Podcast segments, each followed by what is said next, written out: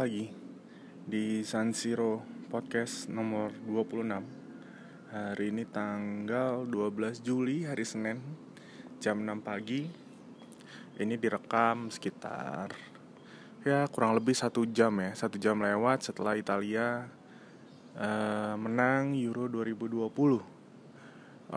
Kongres buat Italia dan buat kalian semua fans-fans Italia yang biasanya itu ini ya apa uh, online ya.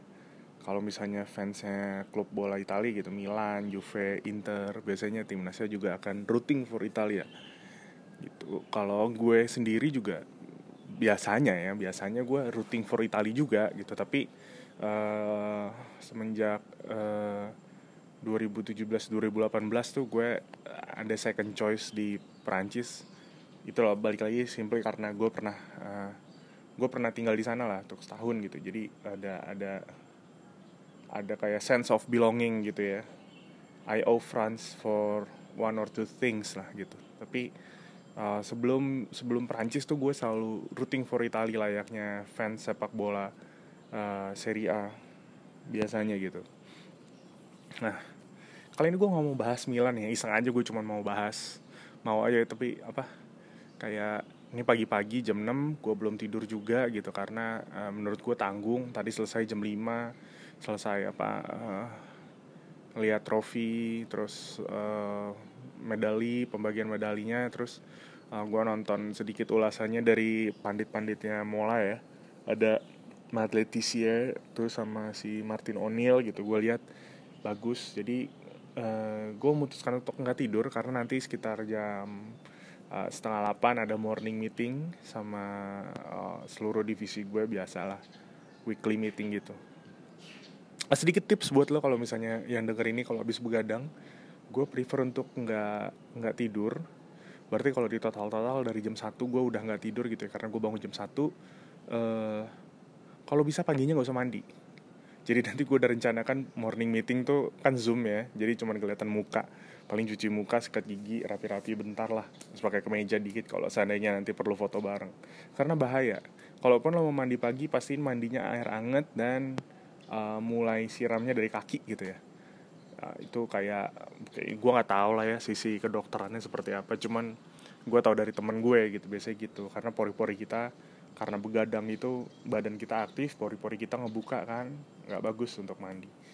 Gitu itulah ya tips untuk para begadang-begadang gitu. Gue juga udah karena faktor umur agak jarang sebenarnya gue nonton bola subuh subuh apalagi sampai nggak tidur gini. Cuman because it's uh, final it's Euro gitu so it's special jadi ya udahlah gue begadang. Terus uh, pagi ini gue lagi duduk di teras gue teras rumah. Kebetulan uh, gue punya privilege untuk uh, WFH gitu ya. Jadi uh, buat kalian juga yang memang memang uh, quotes and quotes gitu pekerjaannya tidak terganggu pandemi tetap dapat pemasukan. Terus dari sisi kantornya juga mengizinkan untuk WFH uh, gue tidak akan bosan-bosannya mengingatkan untuk bahwa ini uh, lagi masa pandemi seperti ini kalau lo bisa WFH WFH kalau lo bisa sebisa mungkin tidak keluar rumah nggak uh, usah keluar rumah. Gue juga uh, gue pernah bilang gue suka lari tapi udah kayaknya dua minggu terakhir ini di dalam komplek pun gue nggak lari gitu ya. Udahlah gue korbankan VO2 max gue yang lagi gue bentuk karena kondisi seperti ini. Kita nggak pernah tahu gue nggak pernah tahu orang-orang yang gue temuin di komplek gue ini posisinya seperti apa gitu. Menurut gue itu itu cara cara paling kecil yang bisa gue lakukan untuk membantu uh, at least keluarga terdekat gue komplek rumah gue atau dari dari sisi besar itu negara gue untuk menanggulangi pandemi ini. Karena gue salah satu yang punya punya apa istilahnya privilege untuk tetap bekerja di rumah tetap dapat pendapatan gitu ya udah gue gue pilih untuk kecuali untuk kalian-kalian yang memang harus keluar sektor kritikal atau misalnya pekerja non formal gitu ya yang mendengarkan ini gue kan nggak tahu ya segmentasinya beda-beda. Uh, kalaupun keluar tetap jaga jaga protokol jaga ya lakukan yang terbaik yang yang bisa kalian lakukan lah ya. Ini gue agak ngalor ngidul sedikit karena uh, pandemic apalagi uh, second wave ini got into my head gitu. Bener-bener jadi jadi pikiran gue ini curhat sedikit ya. Uh, beberapa circle gue udah kena gitu ya. Bahkan uh, saudara gue abang gue sendiri uh, confirm positif. Udah lima hari dan dia bilang kondisinya agak menurun walaupun saturasinya bagus. Jadi ya ya udahlah gitu gue pikir kalau nggak ada keperluan gue nggak usah keluar rumah gitu. Udah itu aja ya udah lima menit nih gue ngalor ngidul sorry ya. Gue mau bahas euro sedikit. Review euro nggak review juga siapa ya? Ngobrol-ngobrol aja lah ya. Kalau review kesannya gue jago banget gitu sih paling paham bola padahal emang enggak penonton kasual aja gue. Nah gue mau bahas soal keseluruhan ya. Keseluruhan euro ini menurut gue ini adalah turnamen paling seru since uh, 2010 mungkin gue bisa bilang ya 2010 terlepas dari Vuvuzela itu yang berisik tapi turnamennya seru. Karena 2010 itu ikonik ya pertama kali di Afrika lagunya juga ikonik gitu ya. Terus banyak kejadian-kejadian mengejutkan gitu. Termasuk handsballnya Suarez terus uh, ya waktu itu Spanyol lagi bagus-bagusnya ya. Terus apalagi sih 2010 tuh? Ya banyak lah Inggris yang yang lagi golden generationnya banget tapi ternyata juga gagal gitu. Terus habis dari situ ya 2012 waktu Italia masuk final juga seru cuman gue nggak terlalu banyak punya memori di 2012 2014 apalagi cuman Piala Dunia ya Piala Dunia Jerman uh, terus 2016 itu salah satu menurut gue turnamen yang agak membosankan 2016 itu karena udah mulai diperkenalkan format uh, tim ketiga terbaik. Bahkan Portugal itu kan kita sama-sama tahu ya dia jadi juara ketika dia jadi tim urutan ketiga gitu di grupnya. Lalu 2018 Piala Dunia eh, fine menurut gue. Eh, nggak ada kejutan. Nah sampai di sini gitu. Gue nggak tahu ya uh, faktor excitementnya itu gue pribadi faktor excitementnya apa? Karena Euro ini diundur uh, tuh gue lagi di teras jadi tetangga gue ngantor pun ada mobilnya kedengeran. Apakah karena faktor Euro ini diundur ya harusnya 2020 jadi 2021 tapi terlepas dari itu pertandingannya sendiri dari babak penyisihan grup juga ada beberapa yang seru. Contohnya gol Patrick Schick gitu ya dari setengah lapangan lebih terus terutama di babak knockout udah banyak banget dramanya perpanjangan waktu adu penalti dan lain-lain. Sampai di final tadi. Nah apa? Di final tadi uh, gue jelas rooting for Italy ya. Karena itu tadi sebenarnya Italia itu pilihan pertama gue untuk timnas ya di luar Indonesia gitu. Terus yang kedua karena gue gue apa ya dari awal gitu ketika ada Calvin Phillips uh, dibilang Yorkshire Pirlo atau dibilang he is the entire Milan midfield gitu. Lo tau gak sih meme-nya Michael Jordan gitu yang and then I took it personally? Ya gue pas baca itu gue gue merasa seperti itu gitu. Man who the hell is this guy gitu ya maksudnya oke okay, he's good he's dia dia pemain bagus ya. Gue tidak menafikan Calvin Phillips pemain bagus gitu. Cuman media-media Inggris yang bilang yang menyebalkan itu ya yang Luka Modric juga bilang kan media Inggris terlalu superlatif gitu ya, terlalu membanggakan. Langsung dibilang Yorkshire Pirlo, the whole Milan midfield gitu ya. Gue berharap di situ sih udah mudah-mudahan Inggris nggak nggak nggak juara gitu. Terus ada Gary, Gary Neville yang bilang once Italia ketemu tim hebat mereka nggak akan pass through. Terus ada si siapa?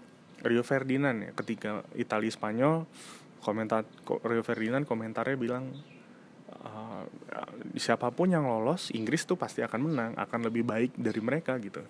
Um, apa Inggris punya ya disebutin lah Inggris begini begini begini gitu. Padahal pada saat itu momennya Inggris belum masuk final tuh. Mereka harus harus ngelawan Denmark dulu yang mana mereka juga sebenarnya kesusahan kan.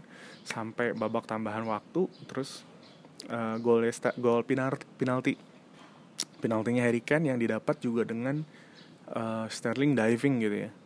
Jadi kayak agak tricky tricky gitulah nah di situ tuh gue merasa wah gila nih Inggris sombong banget ya.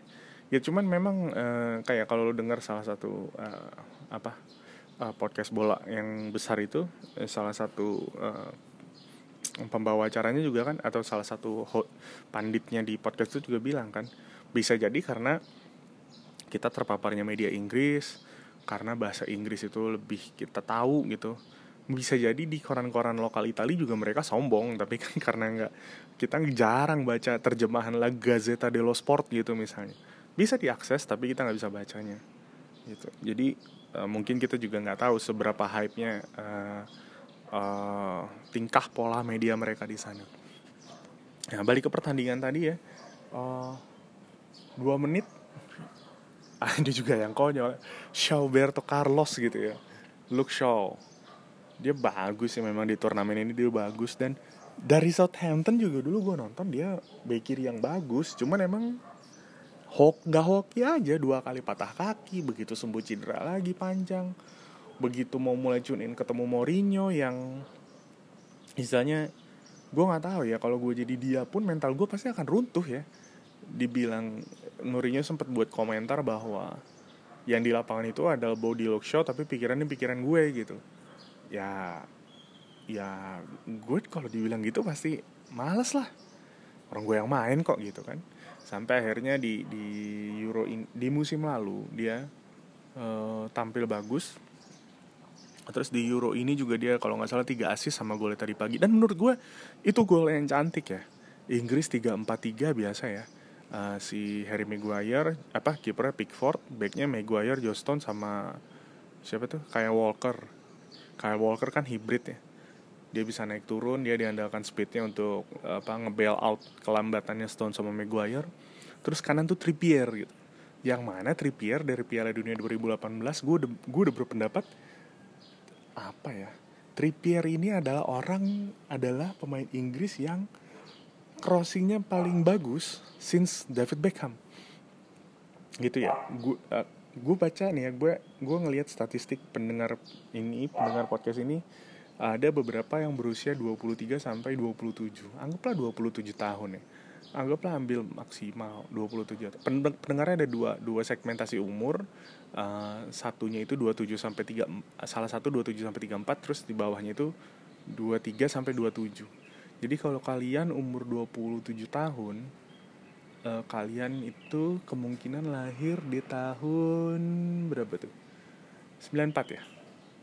Tahun 94 Beckham itu keren-kerennya itu tahun 99 pas MU treble. Terus habis itu dia ke Madrid. Mungkin kalian nggak eh, nggak uh, ngeh ya nggak ngelihat uh, gimana presisinya crossingnya seorang David Beckham gitu ya. Itu apalagi kalau lihat cuplikannya di di Madrid ya. Ya dua-duanya di di MU di Madrid gitu ya. Itu tuh bolanya dia bisa kayak kayak nyampe aja gitu ke orang. Jadi misalnya kalau di Madrid dulu Ronaldo lari nih atau Zidane lari masuk kotak. Mereka lari dan Beckham nendang nanti bolanya jatuh di titik yang sama gitu. Kayak mirip-mirip kayak apa ya? Passingnya Kevin De Bruyne lah menurut gue. Tapi kalau De Bruyne kan bola-bola datarnya ya Nah Beckham tuh bisa ngasih ngirim umpan lambung seperti itu gitu.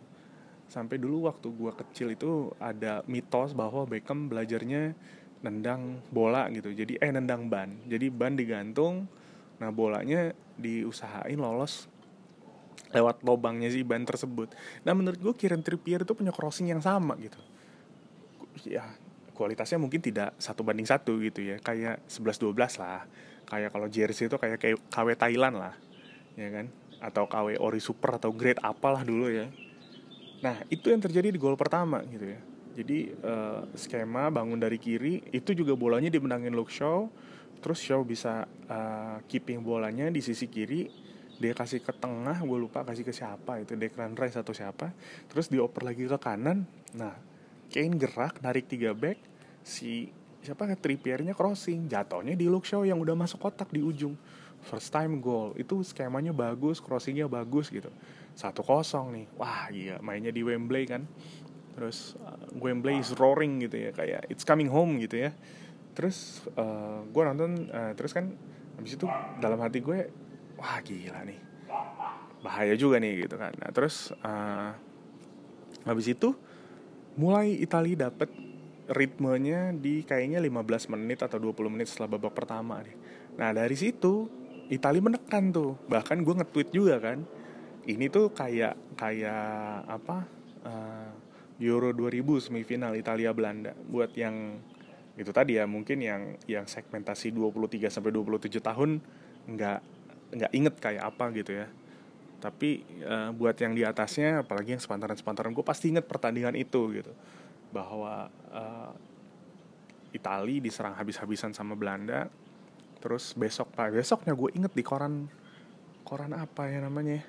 Dulu belum ada top score tuh. Dulu koran dulu kan ada bola ada go ada ada aduh apa ya? Ada juga tuh yang terbit dari High Soccer ya kalau nggak salah gue.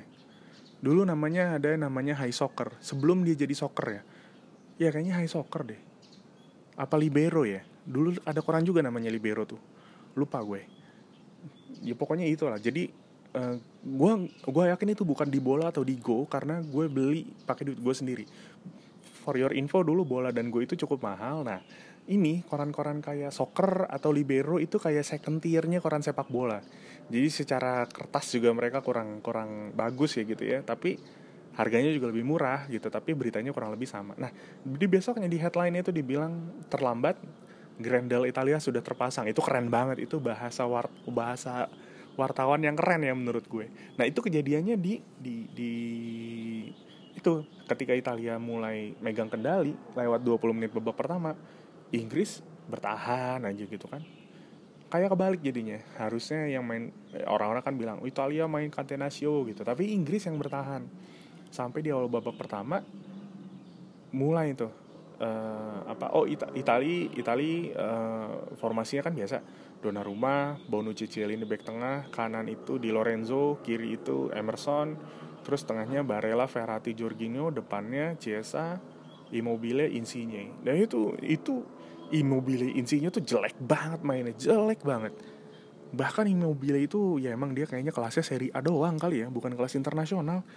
Salah terus gitu pergerakannya salah Insigne juga ambil keputusannya salah terus tembakannya melenceng yang bagus itu yang works tuh cuman Chiesa itu emang bahaya tuh.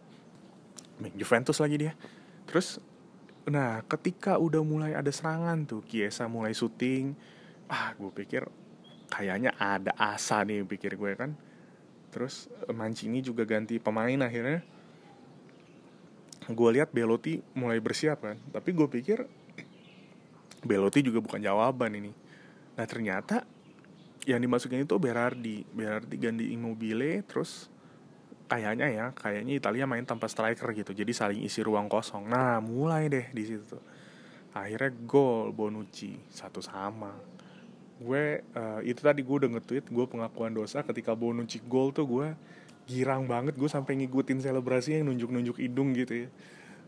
Itu seru. Terus uh, menurut gue at that time gue udah cukup yakin sih. Gue udah cukup yakin uh, kayaknya Italia yang menang. Karena uh, kalau kita bicara masalah uh, pengalaman ya mental ya klise sih ya masalah mental juara. Gue nggak yakin juga sih masalah mental juara ini parameter kualitatif eh kuantitatifnya apa gitu. Apakah berapa kali masuk final dan menang apakah berapa kali juara. Karena uh, di ada tweet pandit football tadi ya gue baca secara juara liga mungkin banyakkan banyakkan siapa ya? Banyakkan banyakkan main di Inggris apa ya? Di timnas Inggris apa kalau nggak salah. Terus tapi juara Liga Championnya pemain di timnas Serie A gitu. Tapi uh, menurut gue faktor pengalamannya Bonucci ini di situ penting. Ya uh, suka tidak suka ya era lepas eranya uh, Maldini Cannavaro Nesta ya baik tangguh ya mereka berdua gitu ya. Mereka juga ikut ambil bagian di final Euro 2012 waktu Milan kal eh waktu sorry Milan lagi. Waktu Italia kalah lawan Spanyol 4-0 ada mereka juga di situ. Trio BBC on their prime dia acak-acak sama sama Spanyol yang Golden Generation. Terus uh, apa lagi? Ya sampai akhirnya uh, itu yang uh, jadi faktor pembeda ketika satu sama gue nggak lihat uh, gue nggak lihat apa menurut gue Inggris pasti akan kesulitan karena ya itu faktor pengalaman. Gue ngulang-ngulang ngomong ya sorry ya. Jadi faktor pengalaman itu. Nah terus uh, beberapa kali Sterling masuk ada satu kejadian yang apa uh, harusnya gue nggak tahu deh itu penalti apa enggak tapi uh, if some of you believe that karma does exist ya that's a karma gitu ya dia kayaknya menurut gue justru itu pelanggaran yang lebih jelas gitu. Dia dilanggar sama Bonucci tapi nggak penalti. Ada satu momen lagi dia berhasil masuk didorong JL ini tapi kali ini he stay on his feet gitu ya. Dia nggak jatuh tapi nggak jadi peluang juga. Perpanjangan waktu biasa nah yang menarik jadi gue ngobrol sama teman gue sepanjang laga gitu ya uh, dimasukin. Lucunya Henderson masuk gantiin Declan Rice terus Henderson digantikan lagi sama uh, Jadon Sancho gitu. Jadon Sancho terus uh, Kyle Walker dimasukin sama uh, ganti Marcus Marcus Rashford. Itu di menit 118 gue udah yakin nih mereka pasti jadi penalty taker. Karena dimasukin di menit segitu.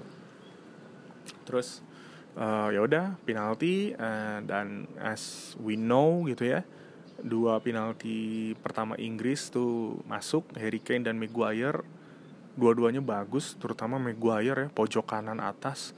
Di siaran ulangnya bahkan tepat kena ke kameranya sampai kamera rusak. Nah Itali itu pendang pertama uh, Berardi.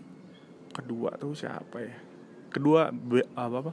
Belotti Belotti gagal. Terus ketiga dan keempatnya masuk. Gue lupa siapa tadi. Oh Bernardeschi satu uh, Bonucci satu. Masuk tuh jadi udah tiga. Ya kan? Jadi terus habis itu Rashford gagal. Rashford gagal Jorginho penendang kelima kan? Jorginho penendang kelima gagal tuh dia dengan uh, gayanya yang khas gitu yang lompat. Serba salah sih. Deng buat gue nih ya uh, eh, gue kebayang kalau lo ngambil penalti seperti itu uh, tempat paling bagus yang bisa dituju dari si penendang adalah pojok kirinya kiper bisa aja diarahkan ke kanannya kiper tapi tendangannya pasti lemah karena pijakannya nggak kuat gitu karena ya menurut gue kuda itu cara nendang penalti yang aneh sih kuda-kudanya pasti nggak kuat di situ tuh dan bener ditaruh di kanan kiper Jordan Pick Pickford tangkap apa berhasil ditepis tapi pendang terakhir Bukayo Saka digagalkan. Uh, ada dua hal di sini ya. Pertama, gue nggak nggak gue nggak tahu ya ada penjelasan gak sih dari Gareth Southgate kenapa dia ngambil menentukan tapi kalau nggak ada nggak apa-apa juga sih ya. Dia menentukan bahwa Rashford Sancho dan Saka jadi tiga pendanaan terakhir. Maksud gue tiga-tiganya pemain muda gitu ya. Dua bahkan baru masuk kurang dari satu menit gue rasa belum keringetan juga. Terus satu lagi Bukayo Saka 19 tahun men penendang kelima bayangkan maksud gue dari dulu kan mitosnya penendang kelima itu yang beban mentalnya paling tinggi. Roberto Baggio failed Andrea Pirlo failed siapa lagi ya? Istilahnya itu dua orang yang dua orang yang yang emang sering banget jadi penendang penalti. Bahkan mereka jadi pernah gagal. Why you put Bukayo Saka on it gitu ya? Gue nggak ngerti juga tuh. Sementara uh, masih ada siapa ya Luke Shaw Raham Sterling misalnya gitu ya yang emang ya walaupun gue bukan pelatih ya buat gue mentally lebih siap gitu ya cuman pasti Gareth Southgate, Southgate udah mempersiapkan semua ya in detail tah gue yakin nah sementara yang lebih menyakitkan dari Italia itu adalah juga sudah gue tweet fakta bahwa uh, Gigio Donnarumma menggagalkan dua penalti gitu. Gue bilang ya itulah Donnarumma memberikan jaminan ya di gawang terus bet, tapi uh, dia sudah bukan kiper AC Milan lagi dengan segala dramanya uh, kita bisa bilang bahwa oh, he's a rat gitu. Tapi kita nggak bisa lupa bahwa uh, dia ada di sana selama banter era. Ya dia apa ya ini mungkin kayak pledoinya Donnarumma ya. Dia mungkin bergaul dengan seseorang yang salah ya. Kan ada tertulis bahwa pergaulan yang buruk akan merusak uh, sifat yang baik gitu ya. Tapi uh, ya uh, apa ya? Ya dia memilih agen yang salah lah menurut gue. Jadi itu anak nggak punya nggak punya hati seorang Milanista. Atau dia punya tapi memang uh, terpengaruh hal-hal buruk. Kita semua uh, kalau ngikutin Milan di Twitter kan dibilang Maldini sempat minta one on one sama dia tapi dia menghilang dari Milanello dan nggak berapa lama uh, siapa namanya agennya Rayola nelfon Maldini dan berkata bahwa uh, that's not the way it works gitu ya. Ya uh, sayang lah gue gua gua gue menyayangkan lah. Karena dia dia selalu ada gitu ya. Cek dia selalu ada. Ya di Banter era dia adalah satu, salah satu pemain yang selalu tampil tampil uh, konsisten uh, pemain yang uh, tetap ada di level tertentu dia di Banter era gitu. Dan gue yakin kita semua Milanisti ngelihat perkembangan dia ya. Dari seorang pemuda ceking 16 tahun yang dikasih kesempatan sama siapa namanya? Mihailovic sampai apa badan yang bertambah besar gitu. Dari yang selalu ketika dikasih back pass akan ngebuang bola gitu ya kita nggak merasa aman ketika dia dikasih back pass. Dengan berbagai macam blundernya sampai sekarang dia cukup fasih memainkan bola di kaki bisa build up serangan gitu. Walaupun belum sampai jadi sweeper keeper gitu ya mungkin karena garis pertahanan Milan juga nggak terlalu tinggi setiap main uh, ya kita ngeliat perkembangan dia mature sampai dan dia sangat sangat bisa berkembang lebih baik lagi. Nih anak umurnya baru 22 tahun. Ya tapi tadi gue kalau nggak salah dengar udah 33 caps bersama Italia. Ini baru 22 tahun 33 caps. Kayaknya udah 200 pertandingan lebih bersama Milan gitu uh, dia pergi uh, free gitu. Bahkan uh, dia nggak kepikiran untuk at least memberikan keuntungan lah untuk klub yang yang membesarkan nama dia memberikan dia panggung gitu. Maybe he's a rat gitu tapi uh, ya nggak bisa dipungkiri juga bahwa gue pribadi akan merasa kehilangan. Dan dan terutama uh, ada postingan juga teman-temannya di Instagram pemain-pemain Milan lain mengucapkan selamat ke Gigio gitu. Uh, uh, ya itu gue nggak tahu. Gue rasa mungkin hubungan personal mereka bagus tapi ini anak bener-bener uh, dikuasai Rayola gitu. Uh, dengan karakternya.